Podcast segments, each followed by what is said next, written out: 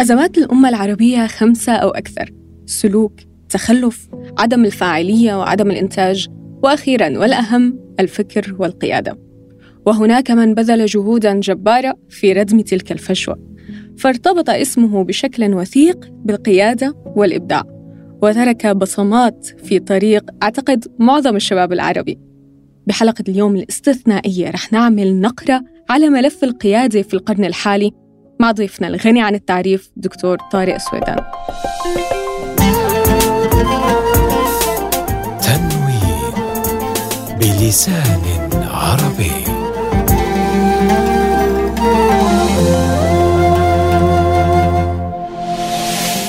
دكتور طارق دكتوراه في هندسة البترول ألف أكثر من 125 كتاب وأسس وأدار 90 مؤسسة وشركة والكثير ما شاء الله من الإنجازات الأخرى. أهلا فيك دكتور طارق. أهلا يا بيان وشكرا على الدعوة الكريمة. سعيد بوجودي معكم الله يحفظكم. نورت منصة تنوين ونورت برنامجي بشكل خاص. سعيدة جدا لقبولك الدعوة. الله يحفظكم. وانت يعني أنتم شباب مميز ويعني البودكاست أنا مقصر فيه فقلت لما دعيتيني يعني كانت استجابتي سريعة لأني شعرت إني مقصر في البودكاست وقلت خليني أجرب فيكم. إذا نجحت التجربة يمكن أكمل في, في معاكم في البودكاست إن شاء الله. الحمد لله من حسن حظنا. إن شاء الله. دكتور طارق قبل ما نغوص بملف القيادة حابة أسألك سؤال شخصي شوي. فضل. لما كنت عم أتواصل معك لفت نظري كمية تواضع بالحقيقة قليل جدا لأشوفها. حقيقة مو مجاملة يعني كان الموضوع بالنسبة إلي غريب. فسؤالي أنه هل الموازنة بين النجاح الباهر أو القيادة والتميز وبين التواضع هو أمر طبيعي أم هو تحدي يحتاج جهد وصبر؟ لا ما, ما يحتاج لا جهد ولا صبر. أنت عم لا هي إن شاء الله نسال الله سبحانه وتعالى ان نكون كذلك. الإمام أحمد رحمه الله سئل عن الزهد. قالوا أيكون المرء زاهدا وعنده ألف دينار من الذهب؟ يعني مليونير. فقال نعم. قالوا كيف؟ قال بأن تكون الدنيا في يده وليست في قلبه. قالوا ما علامة ذلك؟ قال إذا زادت لم يفرح وإذا نقصت لم يحزن. طبعا إحنا الشهرة ومعرفة الناس وكذا شيء قد يكون ضار لما يدخل في القلوب وضار لما الإنسان يستغل الشيء الشيء السيء. وقد يكون نافع أن من خلال هذه الشهرة نستغلها لإيصال أفكارنا. بس المهم جدا جدا إن الإنسان دائما يراجع نيته ويراجع قلبه ان ما تدخل فيه. فيعني لذلك ما عندي معاناة في هذه المسألة. وبعدين أنا الحمد لله يعني فعلا إنسان طبيعي وأم يعني أمشي بالشارع وأكل لي سندويشة و... إلى درجة إن أحيانا أهلي يعاتبوني يعني يقولوا لي أنت لك مكانتك ما تعمل هالحركات لا خليني أعمل هالحركات أكون إنسان بين الناس وطبيعي واحسن أحسن لي أنا حتى. ما شاء الله. فالحمد لله ما عندي معاناة في هذه المسألة. وبشكل عام الأشخاص هل بيلاقوا صعوبة؟ يعني وقت أنتم عم تدربوا القيادة والقادة فهل في مشكلة؟ هل تدرس هاي المواضيع؟ ان نحن كيف نحافظ على تواضعنا أم الأمر ما له علاقة؟ لا طبعا إحنا ندرسها ونوجه الناس فيها ونعطيهم ملاحظات وتجديد النية والعلامات اللي الإنسان يبدأ يشعر بها إذا خربت النية.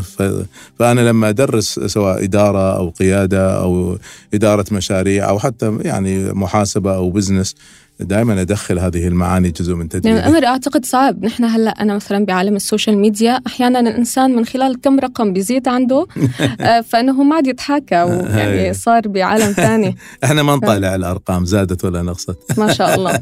ما يهمنا يعني في النهايه في رسالة. إحنا عملناها لله سبحانه وتعالى ورسالة. إذا آه، الإنسان لما يعمل مشروع لله مثل مشروعك هذا؟ يعني هذا مشروع في توعية للشباب وفي نشر الفكر و... ويعني آه، إيصال رسالة قوية تنهض بهؤلاء الشباب. تعاملي معه ونتعامل مع كل مشاريعنا على أن هذا بيت بنيناه لله. جميل. إذا الله سبحانه وتعالى بيته لا يريده لأن بيت خالطه يعني عدم إخلاص ولا خالطه يعني حب الظهور ولا أمثال هذا سيهدمه. وإذا أخلصنا النية وصدقنا في العمل الله سبحانه وتعالى سيبارك في البيت هذا ويجعل يعني محطة لإقبال الناس وطوافهم حوله يعني. ما شاء الله. فللبيت رب يحميه. بإذن الله. نعم. دكتور القيادة بنرجع للقيادة. أيوة. القيادة ممكن تكون آه الإنسان شيء هو جبل عليه وممكن تكون مكتسبة. نعم. أنا كشابة أو كشاب. كيف بدي أعرف إني أنا عندي صفات آه مم، خلقت فيني هي مناسبة لإني أنا أكون إنسانة قائدة أو حتى كأم. أوكي. أول شيء خلينا نحدد ما هي القيادة. جميل. القيادة هي القدرة على تحريك الأتباع نحو الهدف. فهي قدرة هي ليست علم. وهذه القدرة قد تكون قدرة فطرية وقد تكون قدرة مكتسبة. وهذه هي الإجابة على سؤالك. الآن نسبة الناس اللي هي فطرية يعني مولودين بالفطرة قادة هي نسبة جدا جدا قليلة. حديث النبي صلى الله عليه وآله وسلم الناس كإبل مئة لا تكاد تجد فيها راحلة. مم. فالنسبة القادة في البشر أقل من 1% مم. لكن اللي ما هم من ضمن هؤلاء الواحد بالمئة ومش مولود. نستطيع أن ندربه على القيادة. طبعا توجد استثناء واحد بالمئة لا يصلحوا للقيادة أصلا. بس معظم الناس معظم الناس الأغلبية الساحقة تسأليني أنا كشابة ولا كشاب كيف أعرف؟ في الغالب أنتم لستم من الذين ولدوا بالفطرة قادة. آسف. يعني. في الغالب. ليش؟ لأن النسبة هي 1% ففي الغالب أنتم ضمن ال 96 98% اللي هم في الوسط. لكن هل في احتمال أن بيان تكون من ضمن الواحد بالمئة؟ الجواب نعم. أو هذا الشاب اللي قاعد يسمعنا ولا الفتاة المباركة اللي قاعد تسمعنا كيف تعرفي؟ فهذا هنا سؤالك ما زال قائم تمام هل في احتمال أن أكون من ضمن الواحد بالمئة؟ جواب نعم كيف أعرف؟ نعرفها من خلال علامات نسميها علامات القيادة ونحن نراقب هذه العلامات إذا وجدنا هذه العلامات في إنسان ففرصته فرصته للقيادة أعلى مم. يعني كلامنا جدا علمي وجدا محدد. ما نستطيع أن نقول هذا سيصبح قائد. ما عندنا طريقة مضمونة. لكن نقول فرصته للقيادة أعلى من باقي المجتمع. مم. الآن أهم هذه العلامات. العلامة الأولى هي القدرة على التحليل. يستطيع أن يحلل الأمور ي- يحلل يفكر بطريقة غير عادية. هنا تظهر من خلال علامات تفصيلية مثل الأسئلة غير العادية. آه، على فكرة هؤلاء بالذات يسألوا كثيرا ليش؟ مم. لماذا؟ معظم الناس يسألوا عن ماذا. يسألوا عن كيف. هؤلاء يسألوا عن لماذا.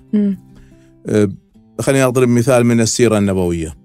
كل الناس درست السيرة النبوية أن المسلمين هاجروا للحبشة في سنة خمسة من البعثة لأنهم كانوا مستضعفين. كلنا نعرف هذه المعلومة.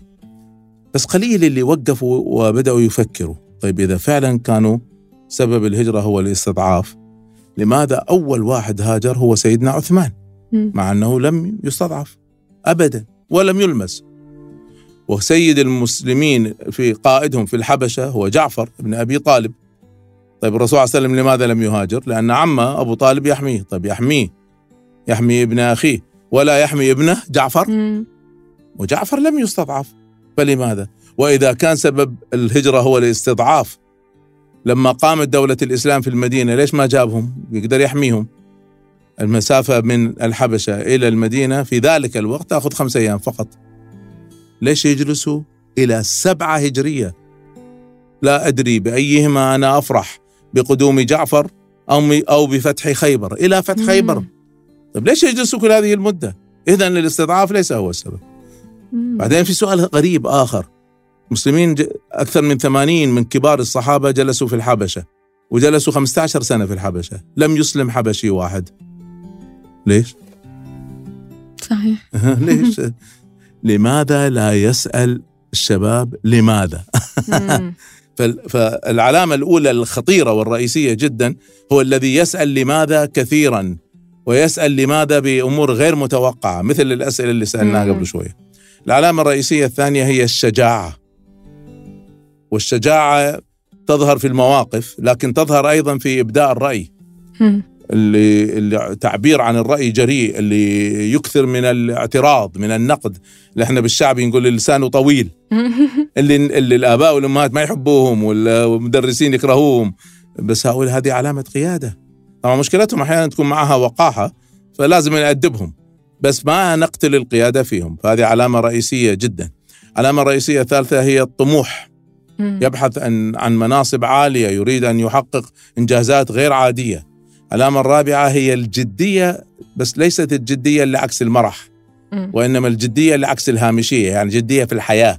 فمعنى إنه يستغل وقته يقرأ يشترك في مشاريع عنده هوايات عنده مهارات. بينما غير القادة مشغولين بتوافه الأمور. هذه علامة بالنسبة لنا رئيسية. ولذلك إحنا إذا حبينا نكتشف القادة نسألهم عن آه، عن كيف يقضوا. أوقات فراغهم. هذه علامة رئيسية لأن تدل على هذه الجدية في الحياة. آه، في علامات أخرى بس من أهم العلامات على فكرة البيئة التي ينشأ بها الإنسان. وهي مم. مسألة خارجة عن يد الإنسان لكنها مؤثرة في القيادة. فالأسر القيادية فرصة أولادها وبناتها للقيادة أعلى من غيرهم. سواء قيادة في السياسة أو قيادة في العلم أو العسكرية أو التجارة أو يعني أكاديميين ما يهم بس أسرة قيادية فرصة أولادهم حتكون أكثر. أيضا ثابت أن الأسر الغنية فرصة أولادهم للقيادة أكثر من الأسر الفقيرة. والبيئة الأخيرة هي بيئة الأيتام. مم. الأيتام فرصتهم للقيادة أكثر من باقي المجتمع. الأيتام والسبب أنهم ما زال عندهم حنان الأم وتحملوا المسؤولية مبكرا. آه. فهي دعوة إن نعود عيالنا. انت أولادك الله يبارك فيهم خليهم مسؤولين عن دراستهم مم. مسؤولين عن غرفتهم لا تتدخلي كثيرا مم. كلما زاد تدخلك كلما قتلت القيادة عندهم مم. تدخلي فقط في أمرين ليس لهم خيار فيهم أي مسألة لها خطر عليهم صحي أو أمني والمسألة الثانية أي خطر في العلاقات أو الأخلاق. مم. هذه نتدخل. لكن كيف يدرس؟ أين يدرس؟ كذا. نعطيهم نصائح بس تركوهم. خليه يغلط. اتركوهم هذه للأسف بيان أكثر الاباء والأمهات ما فيها. وبالتالي يقتلوا القيادة حتى في اللي عنده. استعداد قيادي. تمام، يعني هذا. تلخيص سريع يعني جميل نعم. دكتور كنت عم تحكي على شغلة لفتتني على موضوع ال- الجدية يلي ما بتتعاكس مع المرح يلي ما أي. بتتعارض مع المرح نعم. في كتاب آه اسمه Why A Students آه Work for C C Students students، أيوه. العنوان كتير ملفت نعم. هل فعلا أنتم من خلال خبرتكم لاحظتوا إنه القيادة عم تكون أكثر عند ال C students يعني التحصيل العلمي العالي هل عم يكون بيتعارض مع موضوع القيادة؟ نعم ولا. طيب. أول شيء المعلومة صحيحة. إن معظم المتميزين في في الدراسة في النهاية سيشتغلوا عند أناس مش متميزين في الدراسة. معظم القياديين في الدول معظمهم ما كان متميز في الدراسة. طبعا هذا لا يعني إن المتفوق ما له فرصة. لا في ناس متفوقين وفي نفس الوقت قياديين. بس على فكرة هذا هو الاستثناء الغريب ها؟ يعني ال... الاستثناء إن واحد يكون متميز في الدراسة ومتميز في القيادة. آه هذا است- هذا استثناء. الظاهرة الأساسية إن إذا كان شخص قيادي فدراسته تكون وسط ما مم. تكون متميزة مع وجود الاستثناء. ليش؟ مم. خلينا نفكر مع بعض. في الجامعة أو مدرسة حتى بس خلينا ناخذ الجامعة الآن في طالب مركز على الدراسة مهتم بالرياضيات وبالعلوم وبالتكنولوجيا وزين وبالإنجليزي ما أعرف إيش okay فياخذ درجات عالية لأنه مركز على الدراسة الآن خلينا ناخذ الطالب أو الطالبة اللي درجاتهم C هذا وين قاعد يقضي وقته؟ مش في مم. الدراسة طيب ممكن يقضيها في تجارب؟ ممكن تجارب انتخابات تطوع. طلابية مم. نقابات عمل علاقات تأثير على الآخرين آه، مشاركة في أنشطة مجتمعية مشاركة في حقوق الإنسان ولا حقوق البيئة ولا حقوق المرأة ولا مظاهرات سياسية طيب من إيش اللي حيصنع القادة.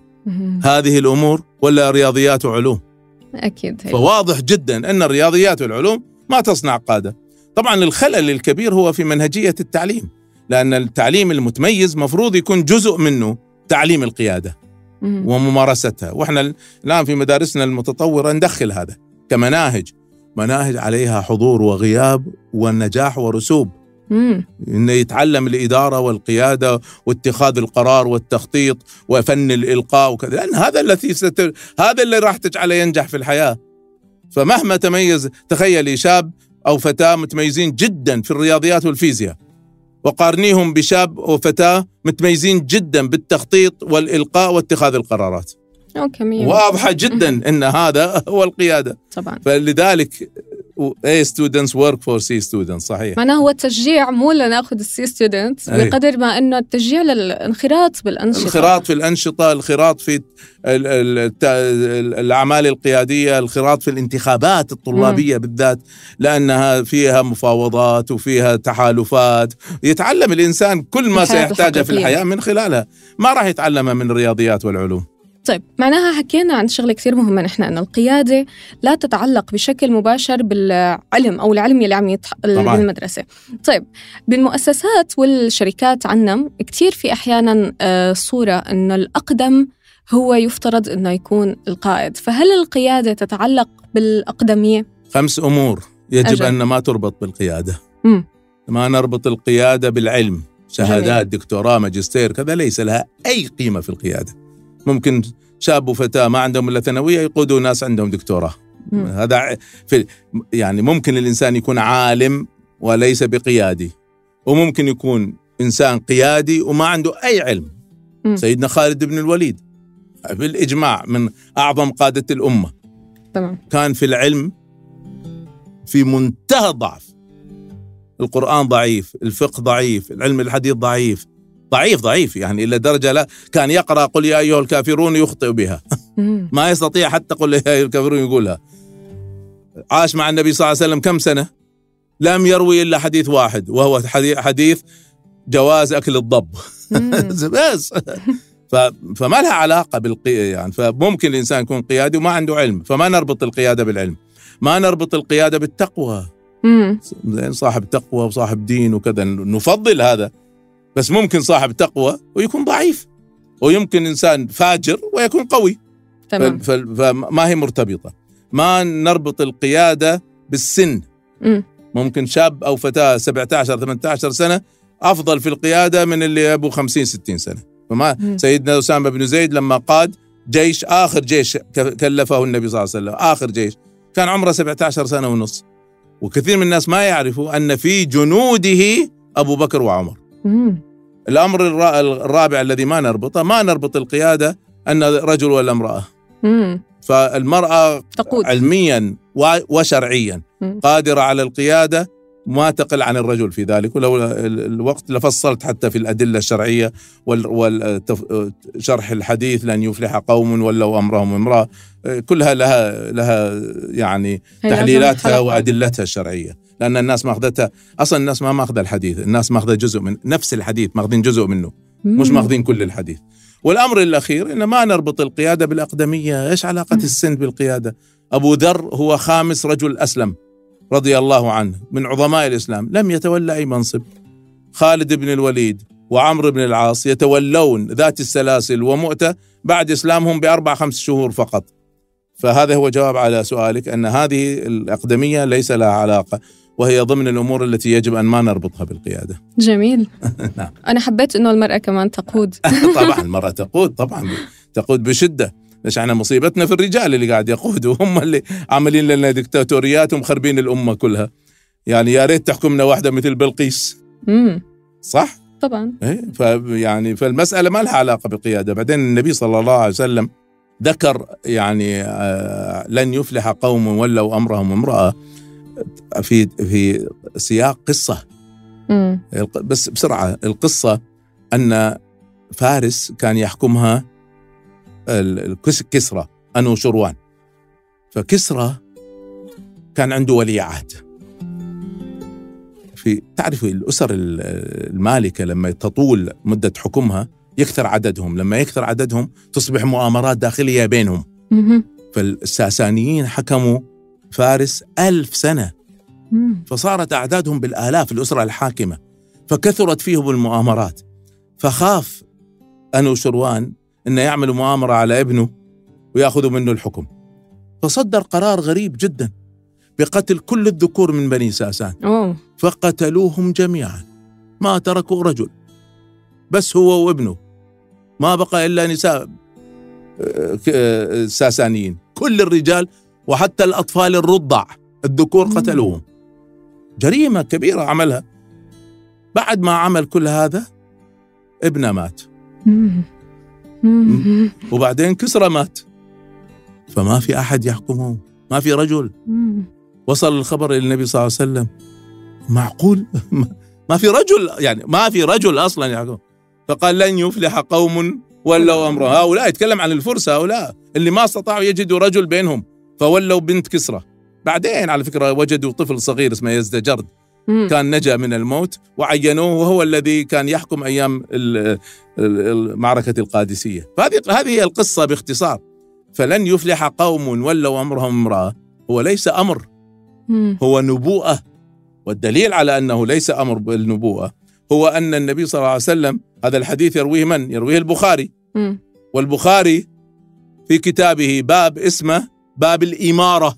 تمام. وفي كتابه باب آخر اسمه يسموه هو يسميه كتاب. كتاب النبوءة. هذا الحديث أين؟ هذا في كتاب النبوءة ليس في كتاب الإمارة. مم. وهذا من الخلط الذي عند الناس. تمام. نعم تفضل. طيب دكتور آه، حضرتك دربت أكثر من مئة ألف على مهارات الإدارة والقيادة ما شاء الله. نعم. أكيد في دفعات سابقة خرجت وهذا الشيء قديم ممكن يكون صار لهم متدربين 15 سنة أو صحيح. أو 20 سنة فحضرتك من خلال خبرتك أو من النماذج اللي نشأت هل لمست فرق هل لاحظت آه، أحد القواد اللي ظهرت أم هل كانت الحكومات عم تضغط فبالتالي ما عم نشوف آه، شخص آه، ظهر بقوة أو كيف أنت شفت الموضوع؟ أي يعني هو أول شيء إحنا لما ندرب مئة ألف ليس معناها أن حيكونوا مئة ألف قائد. بالتأكيد. زين يعني إحنا طموحنا أن من بين الذين ندربهم لو قدرنا نخرج ب 2% مهم. يعني نسبة تعتبر ممتازة. آه، آه، من خلال احتكاكي بالذين دربتهم وال يعني النتائج اللي حققوها والمناصب التي وصلوا إليها بالتأكيد إحنا تجاوزنا هذا الرقم. ما شاء الله. الحمد لله يعني بالتأكيد نسبتنا أعلى من ذلك. الآن إحنا ما ما ال- ال- الخلل اللي عند بعض الناس إنه يظن إن إحنا قاعد ندرب قادة سياسة أيوة فيظن إن طيب وين أين هؤلاء اللي صاروا وزراء؟ أين اللي صاروا حكام؟ مم. إحنا ما قاعد ندرب قادة سياسة، إحنا قاعد ندرب قيادة بشكل عام. مم. قد يصبح في النهاية قائد في التجارة، قد يكون قائد عسكري، قد يكون قائد آه، علمي، قد يكون قائد فكري، قد ي... حسب كل ميسر لما خلق له.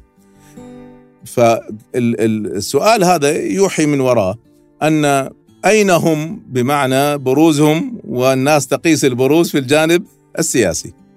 ممكن في أو هو الجانب السياسي مم. بالتأكيد هذا القمع اللي موجود في الأمة ما يسمح لا لطلبتنا ولا حتى أي شخص ما تدرب عندنا بل, بل أكثر من هذا عمليا عمليا هم هؤلاء الطغاة المجرمين هؤلاء ما قاعد يحاربوا من نعدهم كقادة ولا على فكرة قاعد يحاربوا حتى العلماء. يعني طفشوا العلماء خلوهم يهاجروا إلى الخارج. هجره العقول هذه واضحة. وطبعا أي واحد يرفع رأسه آه، آه، هذا مصيره إما القتل أو السجن. ووصل الأمر أنهم يشجعوا مشاريع الاحتياجات الخاصة ويقاوموا أي مشروع له علاقة بالموهوبين والأذكياء والمبدعين. حتى هذا يقاوموا.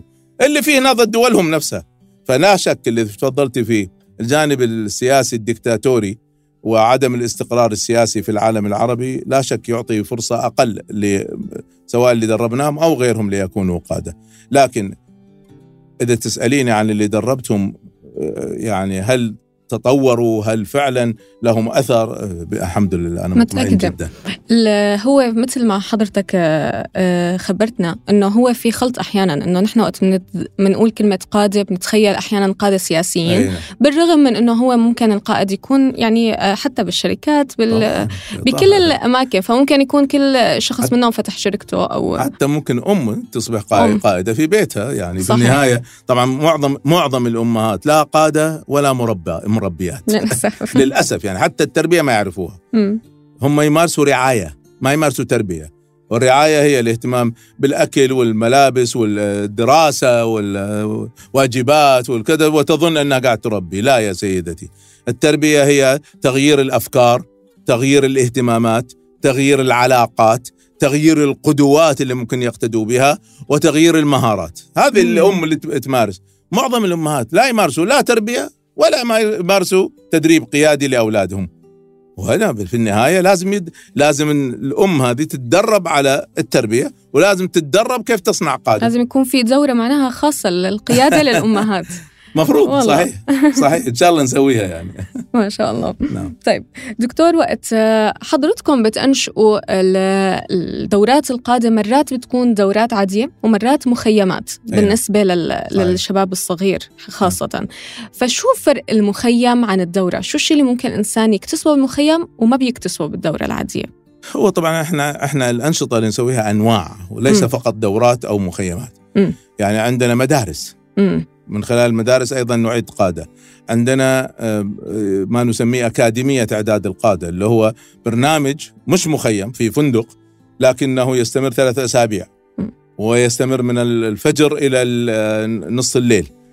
ف- فكلمة مخيم أرجو ان ما يذهب إلى الاذهان ان حيعيشوا في خيام يعني لا لا لا متأكدة إيه. بقصد مخيم يعني النوم وف... النوم وإنه والإقامة يعني وكذا بس. ممكن يكون اسمه مخيم مم. وقد يكون اسمه أكاديمية أعداد قادة. تمام فهي أنواع الآن الدورات هي هي أقلهم تاثيرا امم أقل شيء في التأثير الدورات ليش؟ لأن إحنا الدورة نعملها مثلا من تسعة إلى اثنين أو تسعة إلى ثلاثة و وفي خلالها طبعا إحنا نعلم وندرب والكذا بس كلها أربع خمس أيام وكلها نص نهار. بس ما نعيش معاهم ونحتك بهم ونشوف أخلاقهم وسلوكهم وكذا في غير هذا الجو العلمي. وبالتالي ما نستطيع إن نغير شيء ما نستطيع نعدل ما نراه من خلل. لكن لما نشتغل في أكاديمية إعداد القادة لا إحنا نراقب إحنا نعيش معهم حتى وقت الأكل. والصلاة والكذا فنعيش معاهم. هذا هذه المعيشة تكشف لنا كثير من جوانب شخصيتهم تكونوا قادة حقيقيين بالنسبة يبين لهم. يعني. وبعدين إحنا العفو تدريبنا ما هو تدريب عادي. أكيد. يعني ممكن آه، في مخيم أو حتى في دورة لكن في المخيمات نعملها أكثر. إن نسوي لهم آه، مشروع ونشكل منهم مجموعة. وإحنا قاعدين نراقب مين اللي حيقود هذه المجموعة. إحنا ما نعين قيادة للمجموعة. عمدا. حتى نشوف مين اللي يقود. حيبين القائد. القائد هو الذي يبادر القائد هو الذي يوجه الآخرين. فستظهر هذه. فكلما زادت فرصة الممارسة العملية كل ما زادت فرصة اكتشاف وإعداد وتدريب القاده جميل. طيب دكتور في موجة فجأة ظهرت بشكل شديد هي موجة التحفيز وال وال يعني والتنمية البشرية. نعم. وإنه وأنت قادر والجميع قادر آه. وهكذا نعم بالمقابل إلها ظهرت موجة تانية إنه لا خلوا الشخص يكون عادي ويعيش حياة طبيعية وما في مشكلة بإنه الإنسان يكون آه، عادي مم. بين هالموجتين هو لا هذا الكلام أعتقد علمي عم يكون تبع. التنمية البشرية مم. ولا ممكن التوجه لأنه خلينا نعيش الحياة العادية كليا ما بعرف أنا نعم. هذا سؤالي هل في مشكلة بإنه الشخص يعيش حياة عادية طبعا لا. طبعا فهون أنا حابة هيك أسألك بس نحن كمان عم يصير في عنا ال- الطالب أو الشخص أو الشاب عم ينتقل بين إني أنا عندي فكر حابب أتميز فيه هذا. شيء جميل جدا.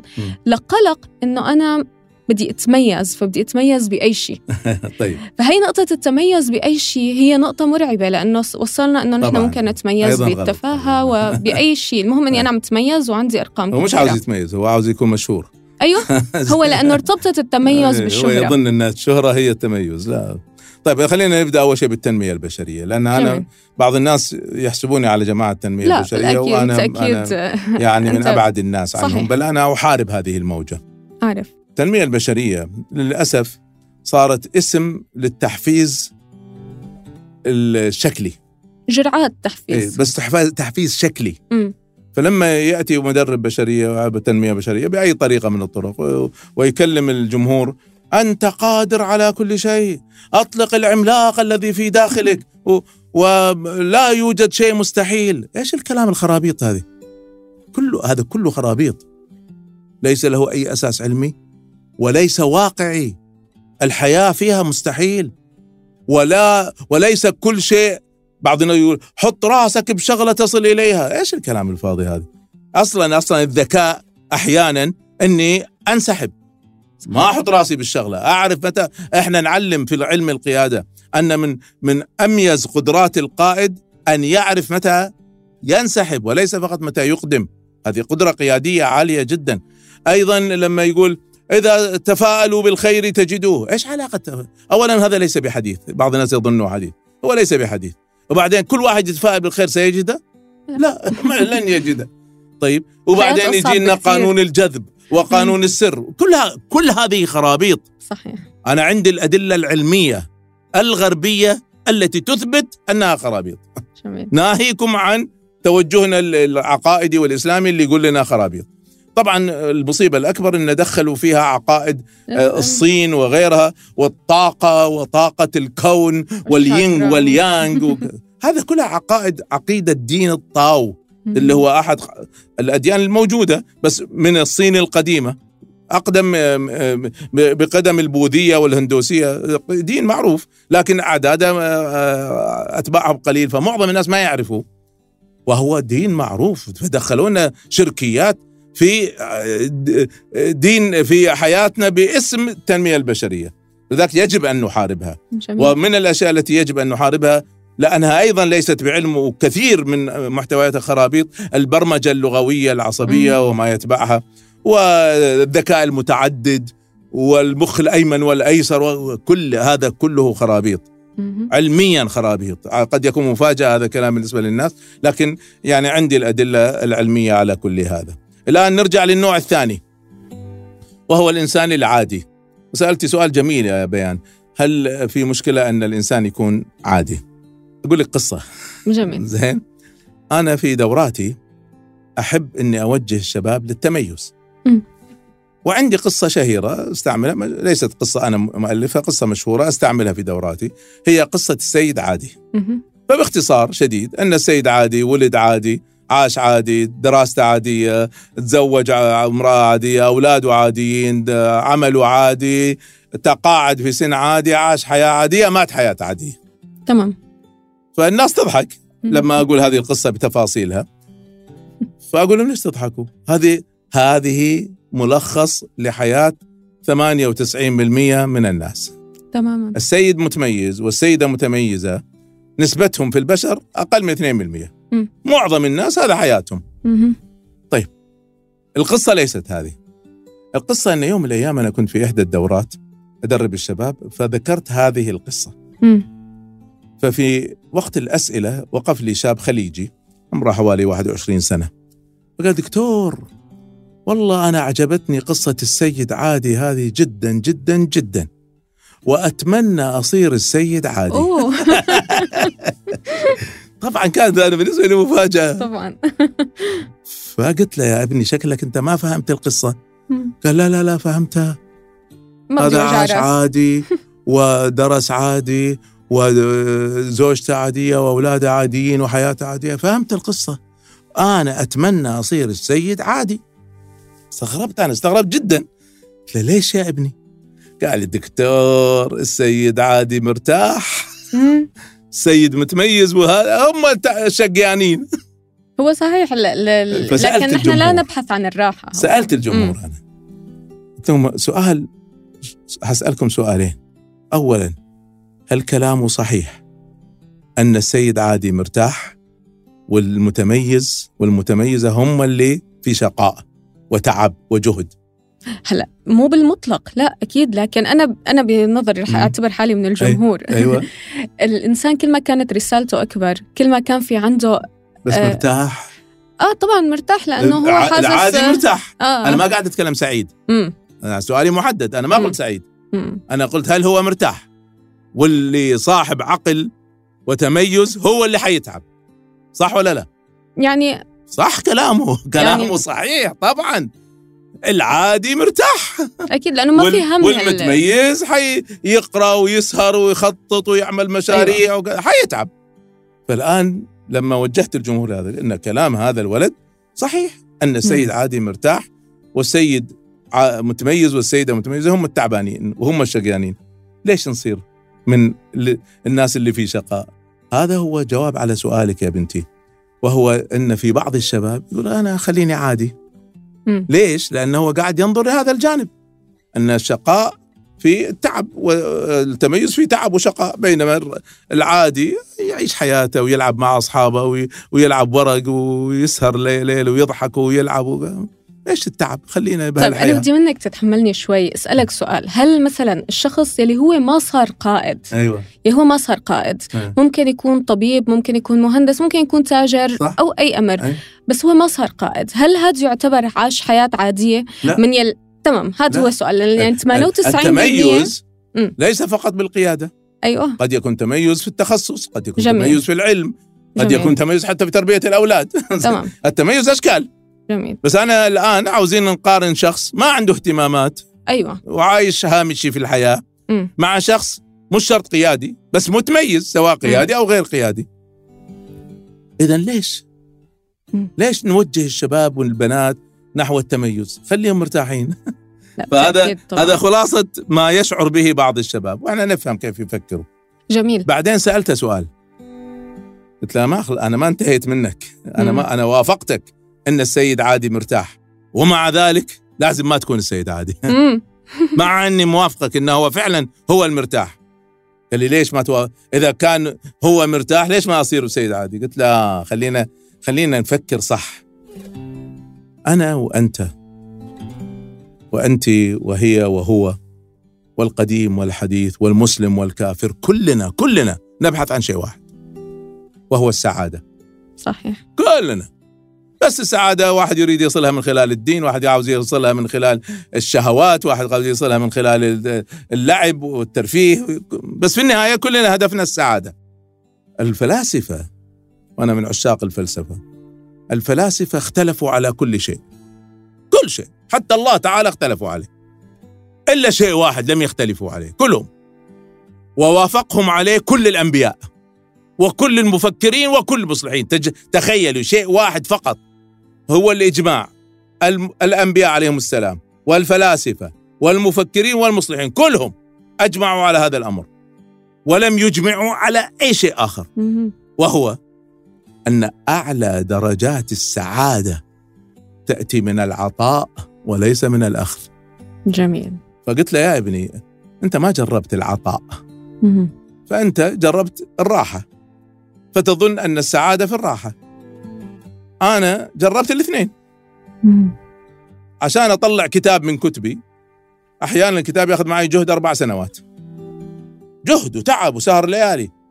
لكن في شيء أنت ما جربته وهو لما تخرج أول نسخة من المطبعة ويجيبوها ويضعوها بين يدي. أنا سأشعر بسعادة غامض بسبب الإنجاز والعطاء. أنت ما ذقتها ولا تعرفها واحب اكد لك أن هذه السعادة أضعاف أضعاف أضعاف سعادتك وأنت مرتاح يا الله صحيح فإذا تريد الراحة عشان السعادة أنت في سعادة بس محدودة جدا وعلى فكرة حتى أنا أنا عشت في أمريكا فترة. طويلة 17 سنة واحتكيت بالأمريكان وعشت معاهم في السكن الداخلي وشفت حياتهم كيف ساتردي نايت هذه يوم السبت. بالليل هذا يوم الحفلات. والسهر والخمر والرقص اجلكم الله. طيب أوكي ما بس أنتم ما شفتوا إيش هم في ثاني يوم. ماذا يحدث يوم الأحد صباحا لما يصحوا من النوم بعد السهرة هذه؟ أنتم ما شفتوا ما إحنا شفناهم. صداع. لا تتخيلوا. تقيؤ. حاشاكم بشكل مزعج. وشعور بالوحدة. لا. تتخيلوا. إيش قيمه إيش قيمة الرقصة هذه والحفلة الماجنة اللي قاموا فيها بالليل إذا كان هذه نتائجها؟ إحنا ما نعيش هذا. صحيح ما نعيش هذا الرقص والخمر والكذا لكن أيضا ما نعيش هذه التعاسة اللي يوم الأحد صباحا. طبعا. و- ولازم يدبر طريقة عشان يشغل نفسه مرة أخرى عشان يخرج من هذه الوحدة. فيا. شباب لا تفكروا غلط. سعادة ليست بالتفاهة ولا بالفساد ولا بالشهوات ولا حتى بالراحة بدون إنجاز. مم. افهموا أين تأتي السعادة. السعادة تأتي من الإنجاز والعطاء. جميل. نعم. دكتور بقصة سيدنا محمد لما كان بده يقوم بالصلاة على عبد الله بن سلول. وكان في معه ع- عمر بن الخطاب كان عم يطلب منه إنه ما يصلي. إي نعم. لكن الرسول كان عم يصر إنه بدي يصلي وسيدنا عمر كان عم يبدي رأيه بقوة نعم. إنه أنا ما بدي إنه ما بدنا نصلي ولا تصلي. نعم. لكن بالآخر لما الرسول قرر يصلي أعتقد سيدنا عمر صلى معه. صلى معنا نعم. فنحن هون سيدنا عمر هو شخصية قيادية. طبعا. لكن بنفس الوقت قدام القائد تبعه كان نعم. شخصية أنا ما بعرف شو بدنا نسميها التابع لل... للقائد أو شو ممكن نطلق عليها نسميها التابع نعم التابع للقائد. تبعه فنحن ب... بنفس القدر يلي عم بدنا ننشئ قادة يلي هن 2% أو 1% من المجتمع كيف بدنا ننشئ أتباع لكنهم يكونوا على نفس هذا المستوى مو هن الأتباع ال- تمام يلي مم. في علم علي؟ كامل ها في علم جميل. كامل اسمه فولورشيب مهم. علم الأتباع مم. تعددت عنه أنا في أحد كتبي سؤال هل الأتباع اللي يتبعوا القائد كلهم نوع واحد؟ لا أكيد أكيد لا صح؟ طبعا لا الأتباع ثمانية أنواع مم. من ضمن الأتباع أتباع هم أتباع لمن فوقهم لكنهم قادة لمن تحتهم مهم. فأبو بكر وعمر رضي الله عنهما والخلفاء الراشدين كانوا أتباع للنبي صلى الله عليه وسلم لكنهم قادة لباقي الأمة أكيد وهناك أتباع هامشيين ليسوا بقادة اذا لما نقول أتباع كلمة أتباع ليست كلمة سيئة مم. بل بالعكس وردت في الحديث في البخاري أن النبي صلى الله عليه وسلم كان في بداية الإسلام يصلي عند الكعبة ومعه طفل اللي هو سيدنا علي وامرأة هي سيدة خديجة وتابع. وهو أبو بكر الصديق في الحديث في. البخاري تابع كلمة تابع ليس معناها أن ما له دور ولا ولا له وزن ولا له رأي وفقط يمشي وراء القائد بدون أن يفكر. الأتباع نفسهم في نوع تابع ملتزم ما يف...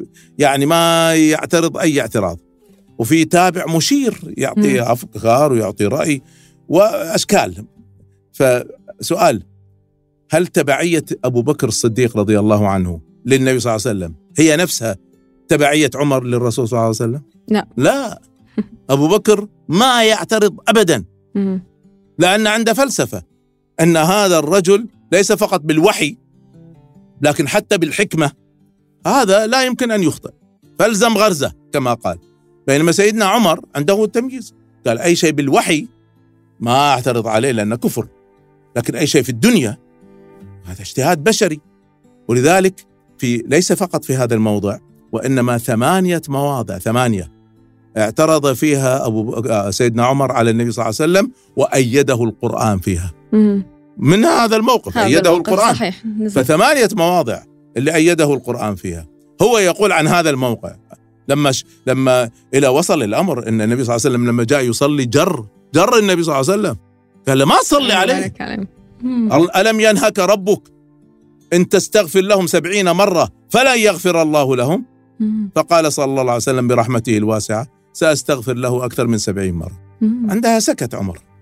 يقول هو عن نفسه بعد هذا الموقف يقول فتجر فتعجبت من جرأتي على رسول الله. سبحان الله. فإذا إحنا باختصار القول أن الأتباع قد يكونوا في نفس الوقت قادة لمن حولهم ومن تحتهم. و- وال- والأتباع ليسوا نوعا واحدا. واعتراض التابع على القائد ليس نقص في القيادة. إذا كان عملها بحكمة. ذاك الحباب بن المنذر رضي الله عنه لما النبي صلى الله عليه وسلم نزل أول منزل في بدر جاءه قال يا رسول الله هذا منزل أنزلك الله إياه؟ أم هو الحرب والرأي والمكيدة؟ اجتهاد بشري ولا وحي؟ قال بل هو الحرب والرأي والمكيدة. إيش قال بعدها؟ قالوا ما هذا برأي.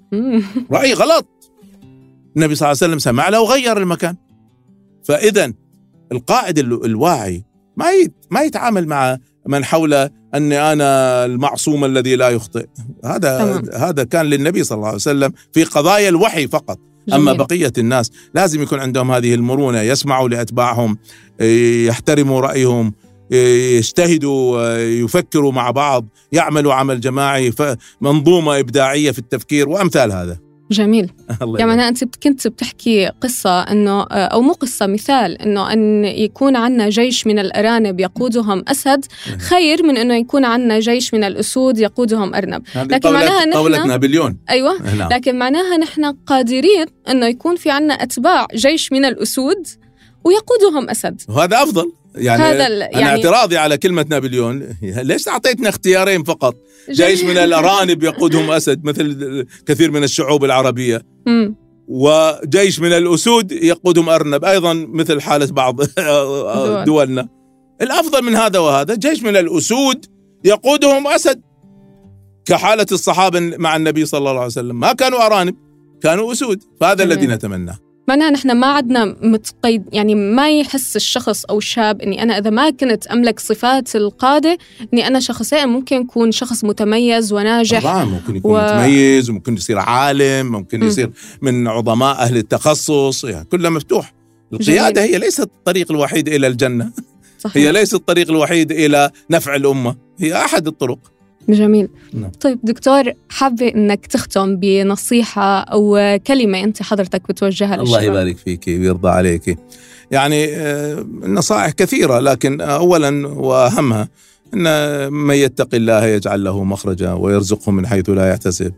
يعني آه، هذه مسألة لا ترددوها باللسان. مارسوها يا شباب بحياتكم.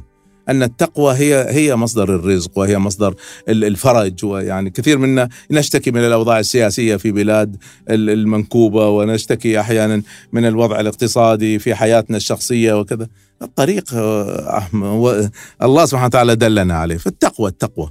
الأمر الثاني أن حياتكم وحياتنا في النهاية قصيرة. يعني كم سنة عيش سبعين ثمانين. إذا الإنسان وصل 120 والله يكتبوا عنه في الجرائد زين. صحيح. فما ما قيمة 120 سنة مقارنة بالخلود في الجنة أو النار. فلا لا العاقل ما يخسر ال- الخلود عشان فترة قصيرة. صحيح. فاستفيدوا من حياتكم وأنتجوا واعملوا خطة لحياتكم وأهداف واضحة وكبيرة. النصيحة الأخيرة هي آه، لها علاقة بحديث النبي صلى الله عليه وسلم. آه، لن تزول قدم عبد يوم القيامة حتى يسأل عن أربع. فسيسأل عن ماله من أين اكتسبه؟ وفيما أنفقه. بس سؤال طيب اللي الله سبحانه وتعالى ما أعطاه مال لكن أعطاه لسان. يستطيع أن يغير في حياة الناس. أو أعطاها قلم سيال أو قدرة على الشعر والأدب وال- ولا أعطاه قدرة على البزنس ولا على الإبداع ولا على التكنولوجيا. هذا كلهم لن يحاسبوا. بس مسكين صاحب المال الذي سيحاسب. بس هو النبي صلى الله عليه وسلم كان يشير إلى مسألة ظاهرة أمام الناس إن صاحب المال. بس كل واحد يبدأ يحاسب نفسه. هل القدرات التي أعطاني إياها الله سبحانه وتعالى هل استخدمتها في نفع أمتي وتطوير أحوالي وأحوال أهلي حتى؟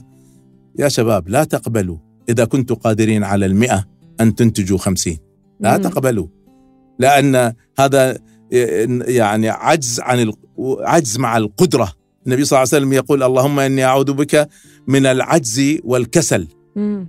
إيش يعني؟ قال العلماء العجز هو عدم العمل لعدم القدرة. لكن الكسل في قدرة. عدم العمل مع وجود القدرة. مم.